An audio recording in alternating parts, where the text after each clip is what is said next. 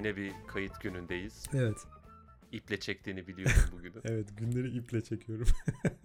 Günler, günler iple çekilebilir şekilde tasarlanmış. Gerçi benim için günler şu sıra o kadar da çekilmiyor. Çünkü eve usta girdi. usta mı? Peki hangi konuda usta? Tesisat, su tesisatı. Bizim aşağı kat komşumuza su damlıyormuş. Apartmanımız 30 yaşında, 32 yaşında bir apartman olduğu için zamanla su boruları bozulmuş ve aşağı kata damlamaya başlamış. Onlar değiştirildi. Tabi bunlar değiştirirken yanlış değiştirmişler. bir usta klasiği olarak. Şofbeni yanlış bağlamışlar. Bulaşık makinesini yanlış bağlamışlar. Hepsini birden çözmek için boruların yerlerini değiştirdiler bugün.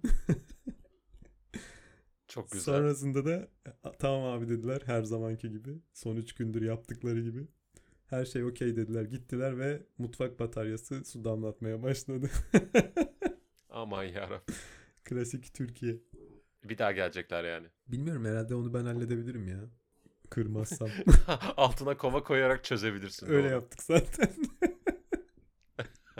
Bundan sonra böyle yaşarsın. This is my life now. Evet abi su lazım oldukça oradan kullanacağız işte yani. Musluğu açmaya kapatmaya gerek yok. Hazır su var orada birikmiş. Elektriğinden arınmış. Öyle işte yani. Evimize usta girdi. Birinin bedduasını aldığımızı düşünüyorum. Sende ne var ne yok? Bende neler var? Bende bende de çok bir şey yok. hani pandemi böyle geçiyor. Çok bir hareket olmadan geçiyor. Hı hı.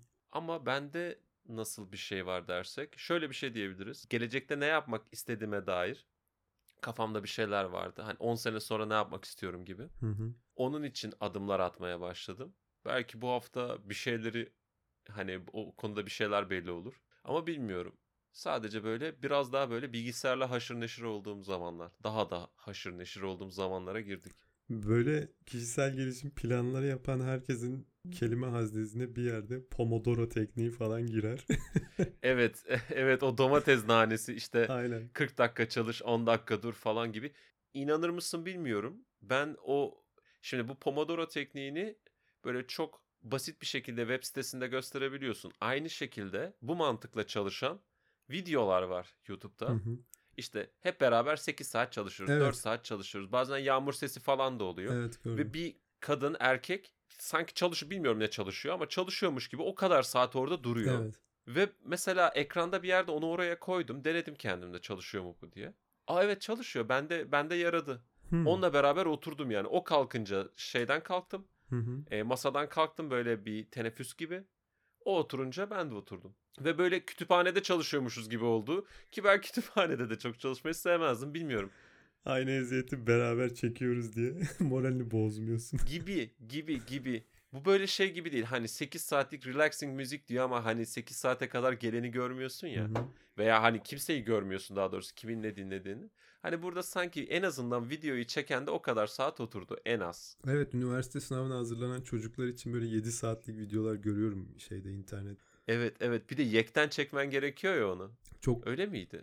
yani bilmiyorum gerçekten 7 saat 7-7,5 saat kadar oturup çalışıyor ders Yok çalışıyor kon- çocuk. kontentin tamamı 7 saat sürer de 7 saat kesintisiz mi çektiler? Ee, 7,5 saat sürüyor galiba birkaç mola vermiştir içinde ama 7 saat diye başlıyorlardı öyle hatırlıyorum.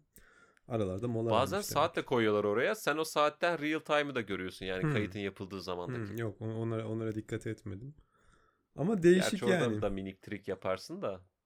Değişik yani. Bu arada o Pomodoro tekniği ben Japon işi bir iş zannediyordum. Değilmiş.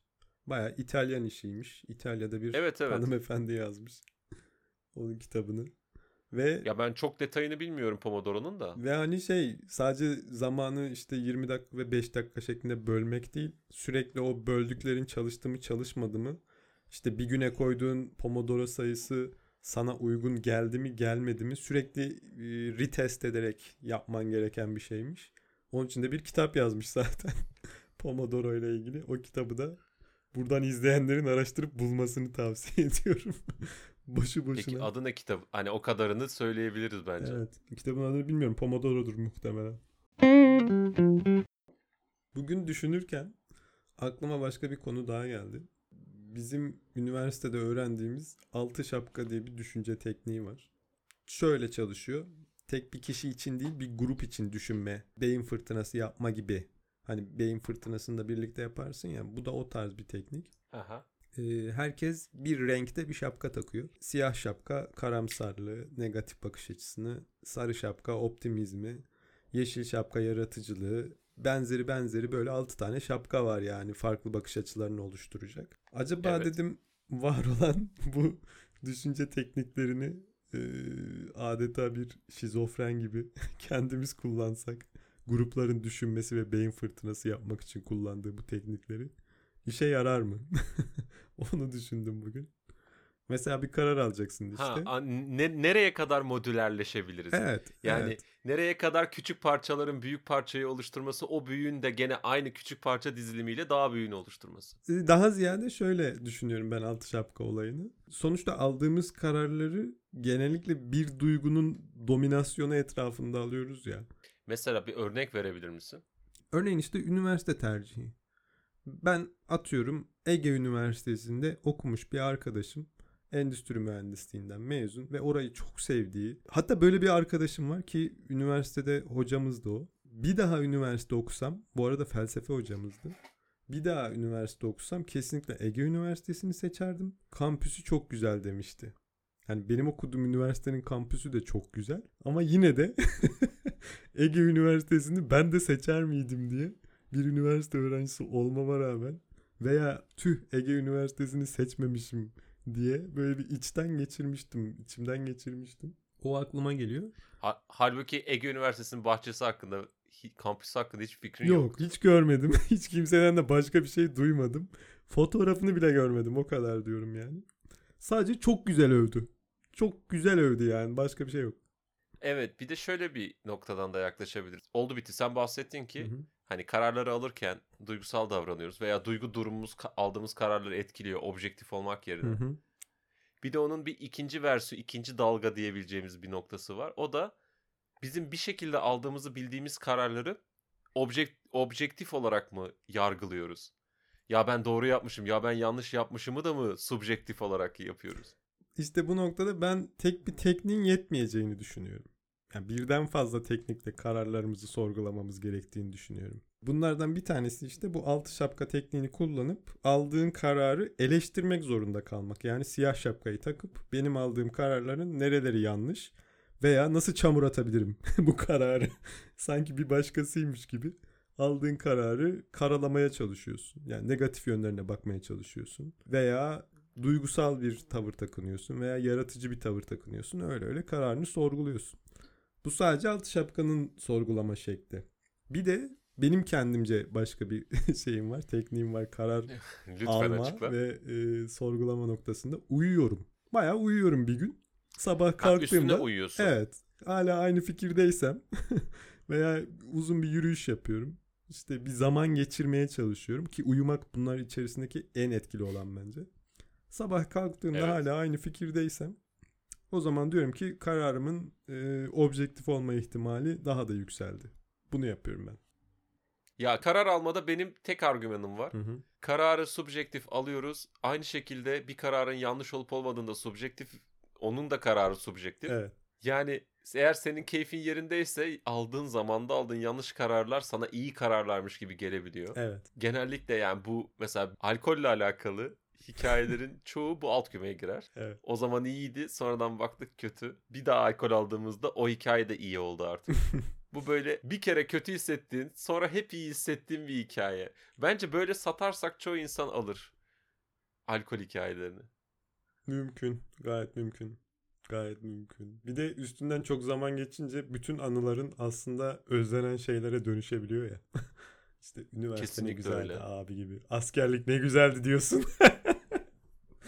Evet renkleri soluyor, iz düşümleri kalıyor. Yani sadece olayın olduğunu biliyorum. Hı hı. Nasıl hissettiğime dair şöyle bir hayal meyal bir şeyler. Ama iyi genelde overall'da. Evet. Fikri kalıyor yani sende. Benim son diyeceğim şey karar almakla ilgili. Bir başkası senin adına karar aldığında iyi çıkınca seviniyorsun ama o kararın sonucunda kötü bir yere çıkarsan gerçekten çok pişman oluyorsun. Diyorsun ki keşke kendi başıma bir karar alsaydım da Keşke yine kötü olsaydı sonucu. Hani o yüzden herkes kendi kararını kendi alsın diye. ben kendi noktamı koyuyorum. ya başkasının kararlarından pişman olacağınıza kendi kararlarınızdan pişman olun arkadaşlar. Kesinlikle dinleyicilerimize böyle bir e, tavsiyemiz olabilir. Biz de Evet. kendi kararlarımızı değil mi izleyici sayısına göre almamalıyız. İyi olduğunu düşündüğümüz şeyi yapmalı. İzleyicilerin izlemesi.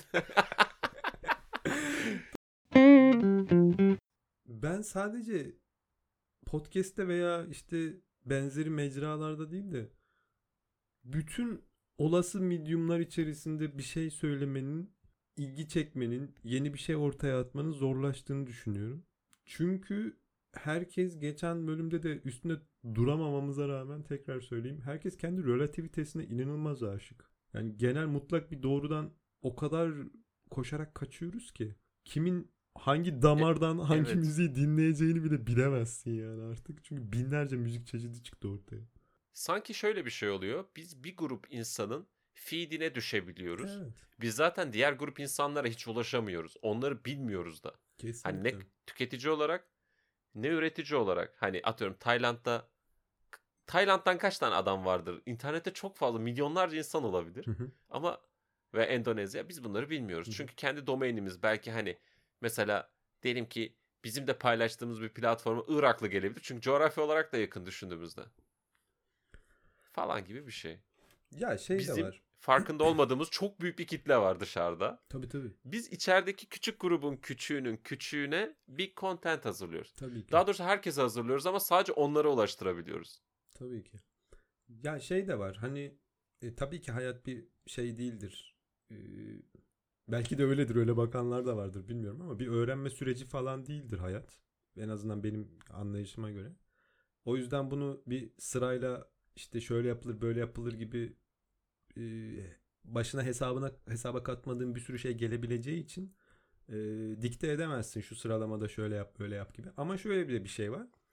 E, mesela bir meslek dalındasın ve o mesleğinde ilerliyorsun. Senden 10 yıl ileride olan bir adamın bildikleriyle sen kendini tartmaya kalkarsan o kurduğun şey başarısız görünür. Ama 10 sene geride olan bir adamın bildikleriyle tartmaya kalkarsan çok başarılı görünürsün.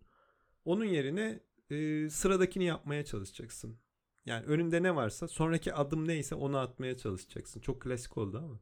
İşte bütün dağlar küçük taşlardan oluşur gibi bir şey ama öyle yani işin gerçeği bu.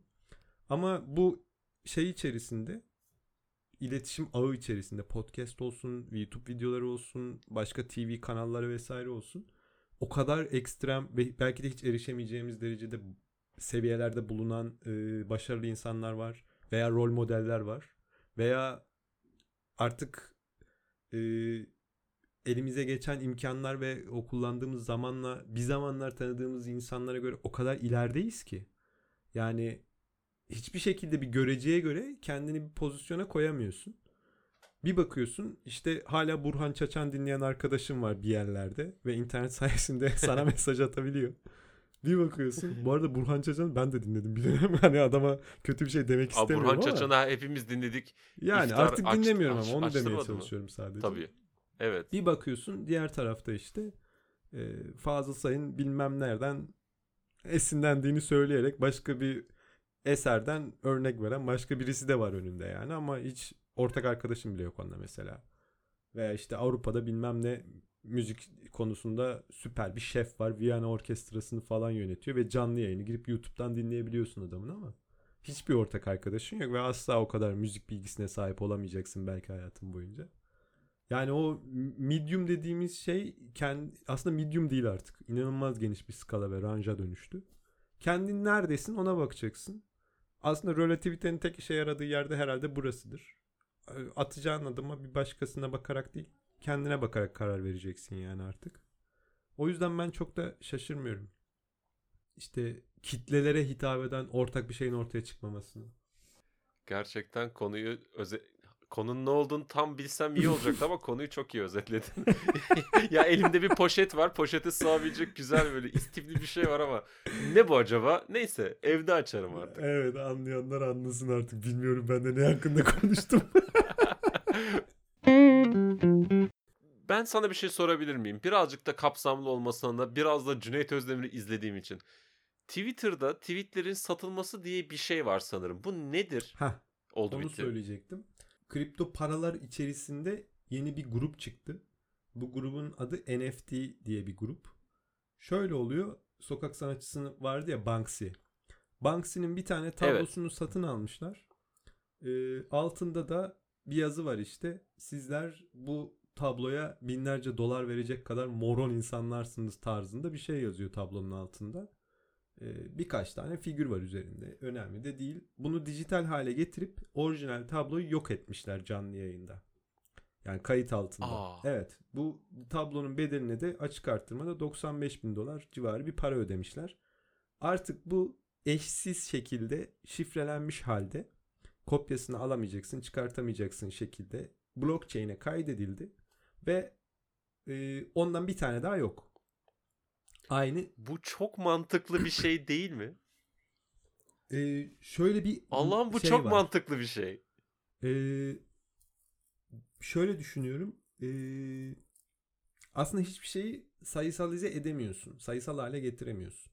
Ama onun iz düşümünü, onun fikrini getirebiliyorsun.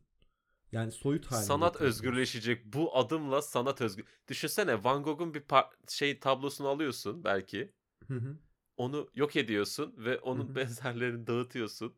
Ve artık herkesin evinde Şimdi şöyle bir şey vardı ya Van Gogh'u anlamak için onun tablosuna sahip olmak gerekmiyor.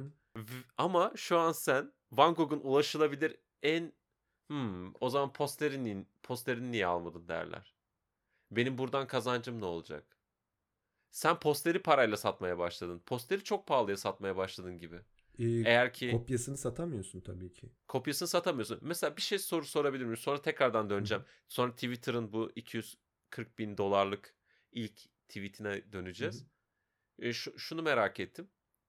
Banksy'nin eserini e, canlı yayında yok edip Evet. e, onunla eşlenik olan Hı hı. dijital kopyalarını ürettiler ve bunu blockchain'e kaydettiler. E, ve sonrasında ne oluyor? Sonrasında ona sahip olmak istiyorsan yeterli miktarda bitcoin'i veya işte parayı veriyorsun ve o senin e, kasanda durmaya başlıyor. Sadece bu olay.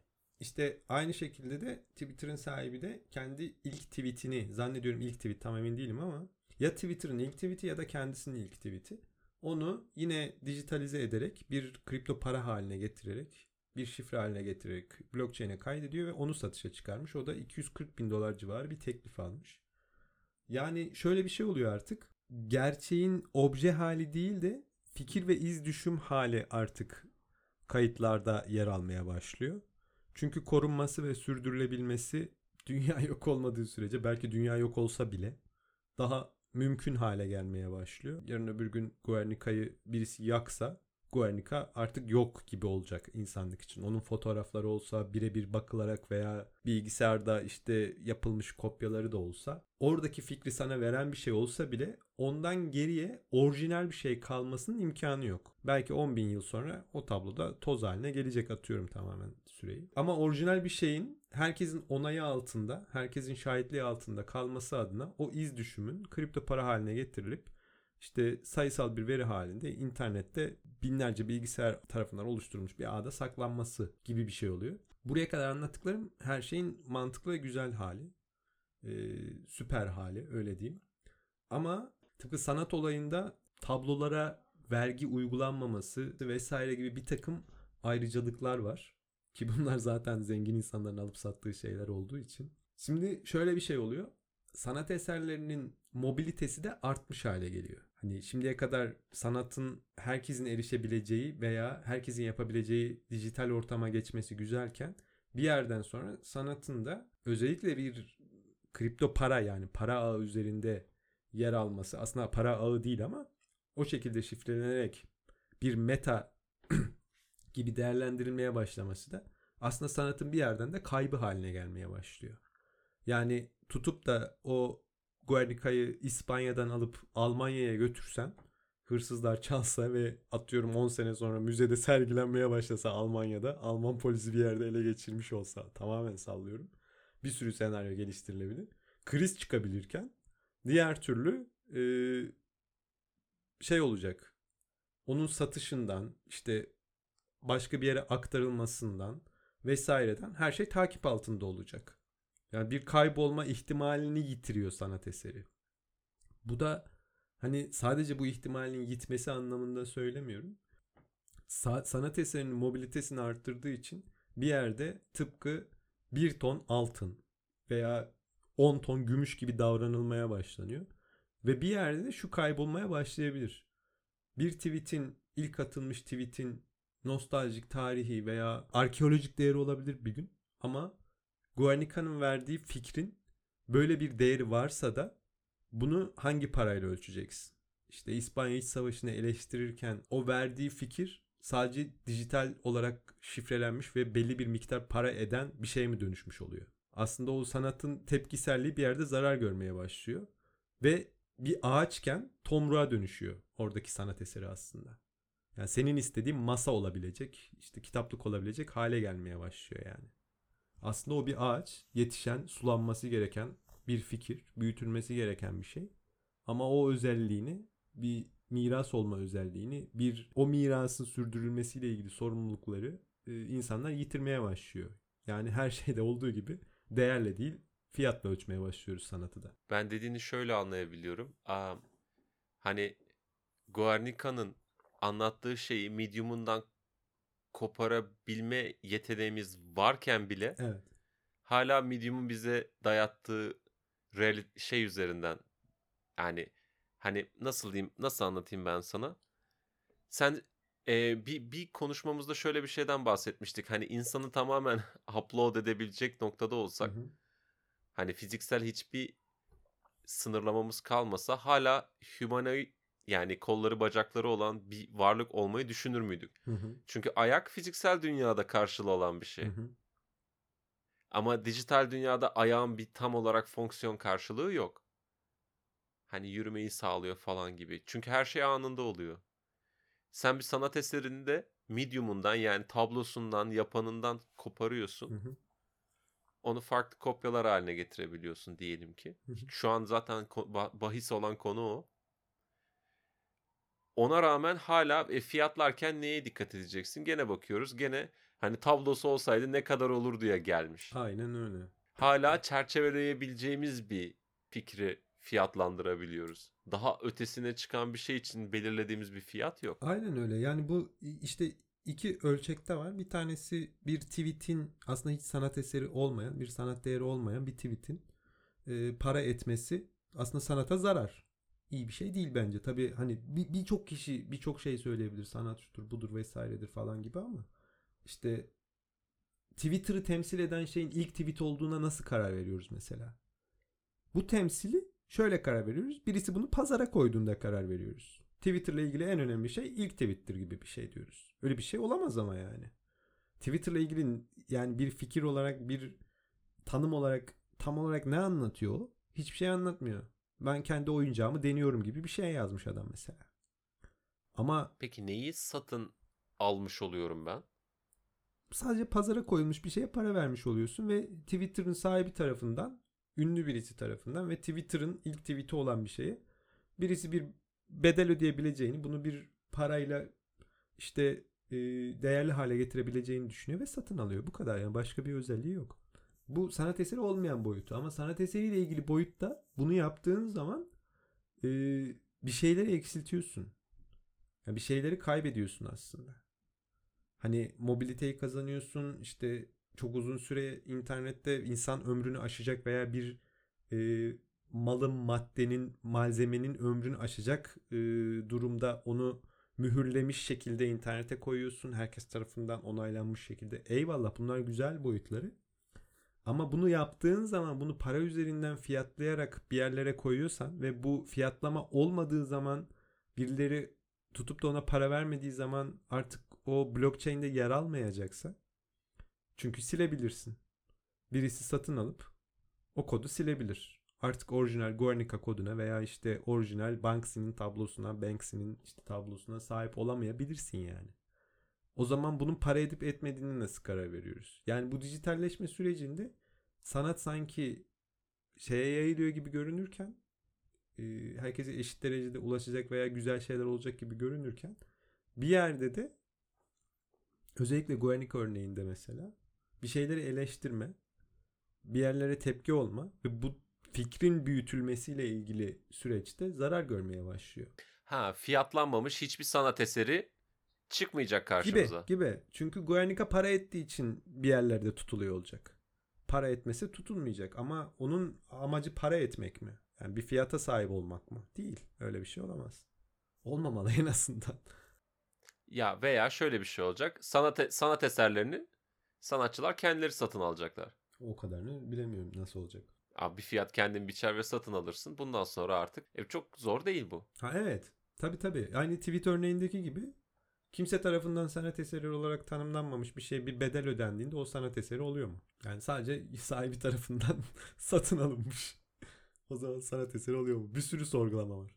Sevgili oldu bitti. Bu konuyu düşünmeye şu an başlayan dinleyicilerimiz için ben Flu TV'deki bu Bager kimdi bu Bager bir şeydi. Ah be. Şuradan bakarım da neyse.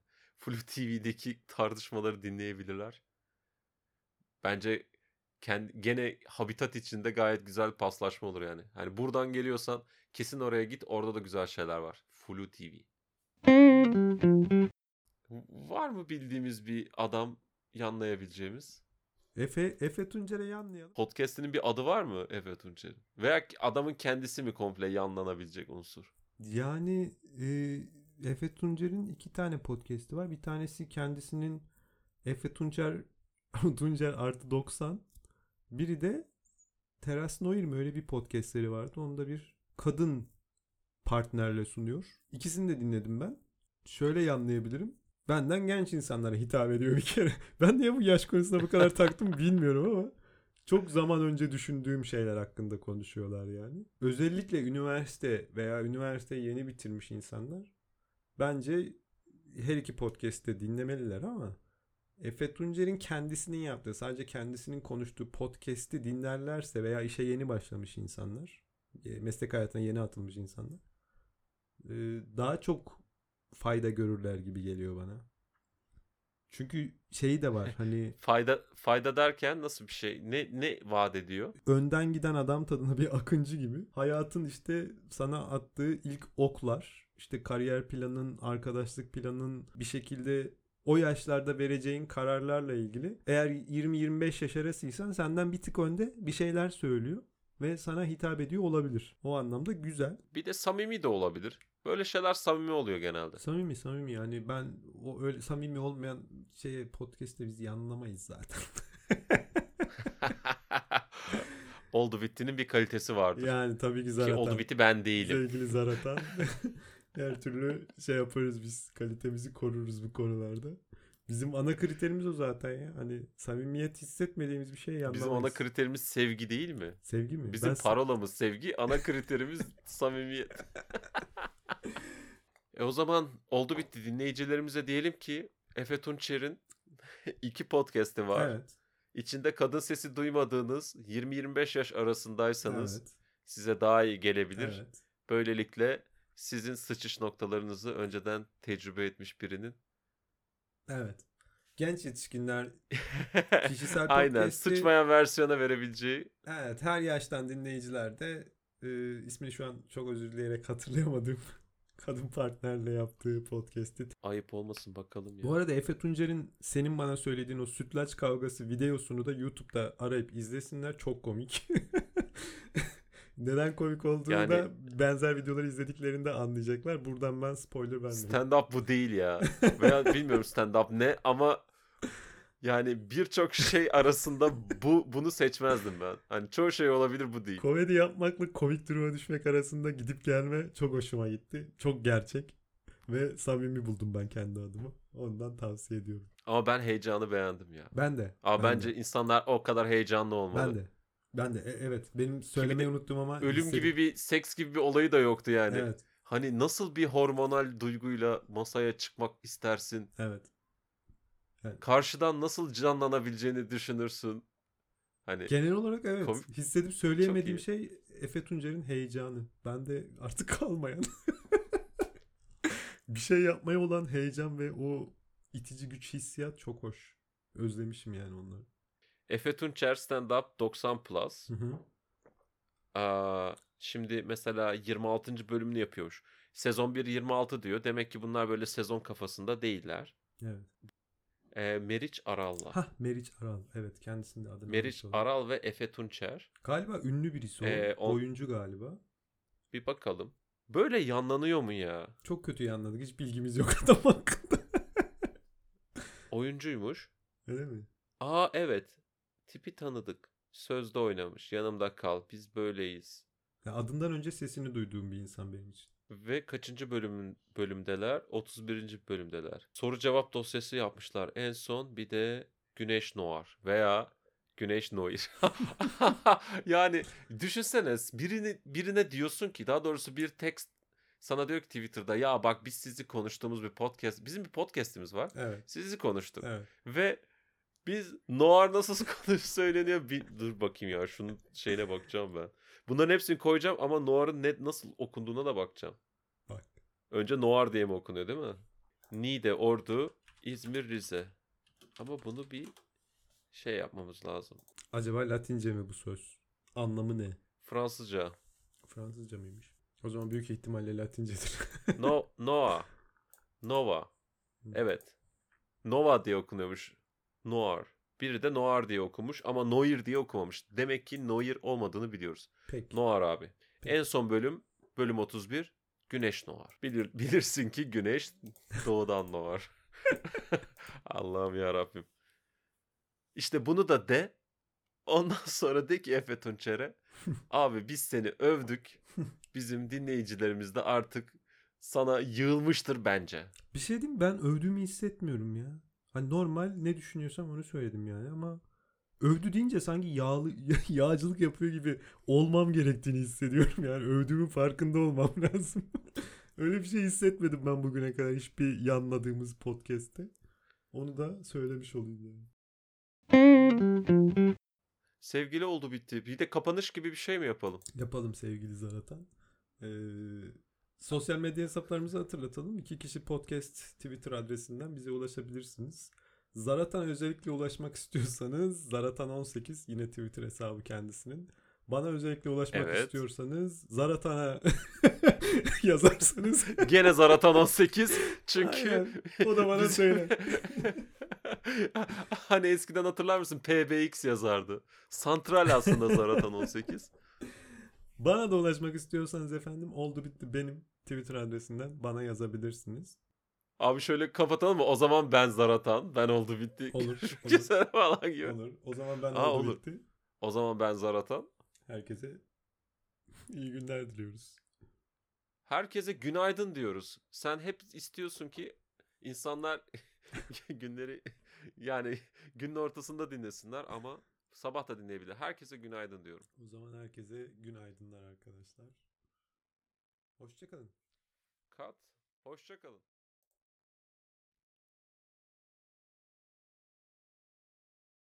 Ain't gonna let nobody, Nobody turn me round, turn me round,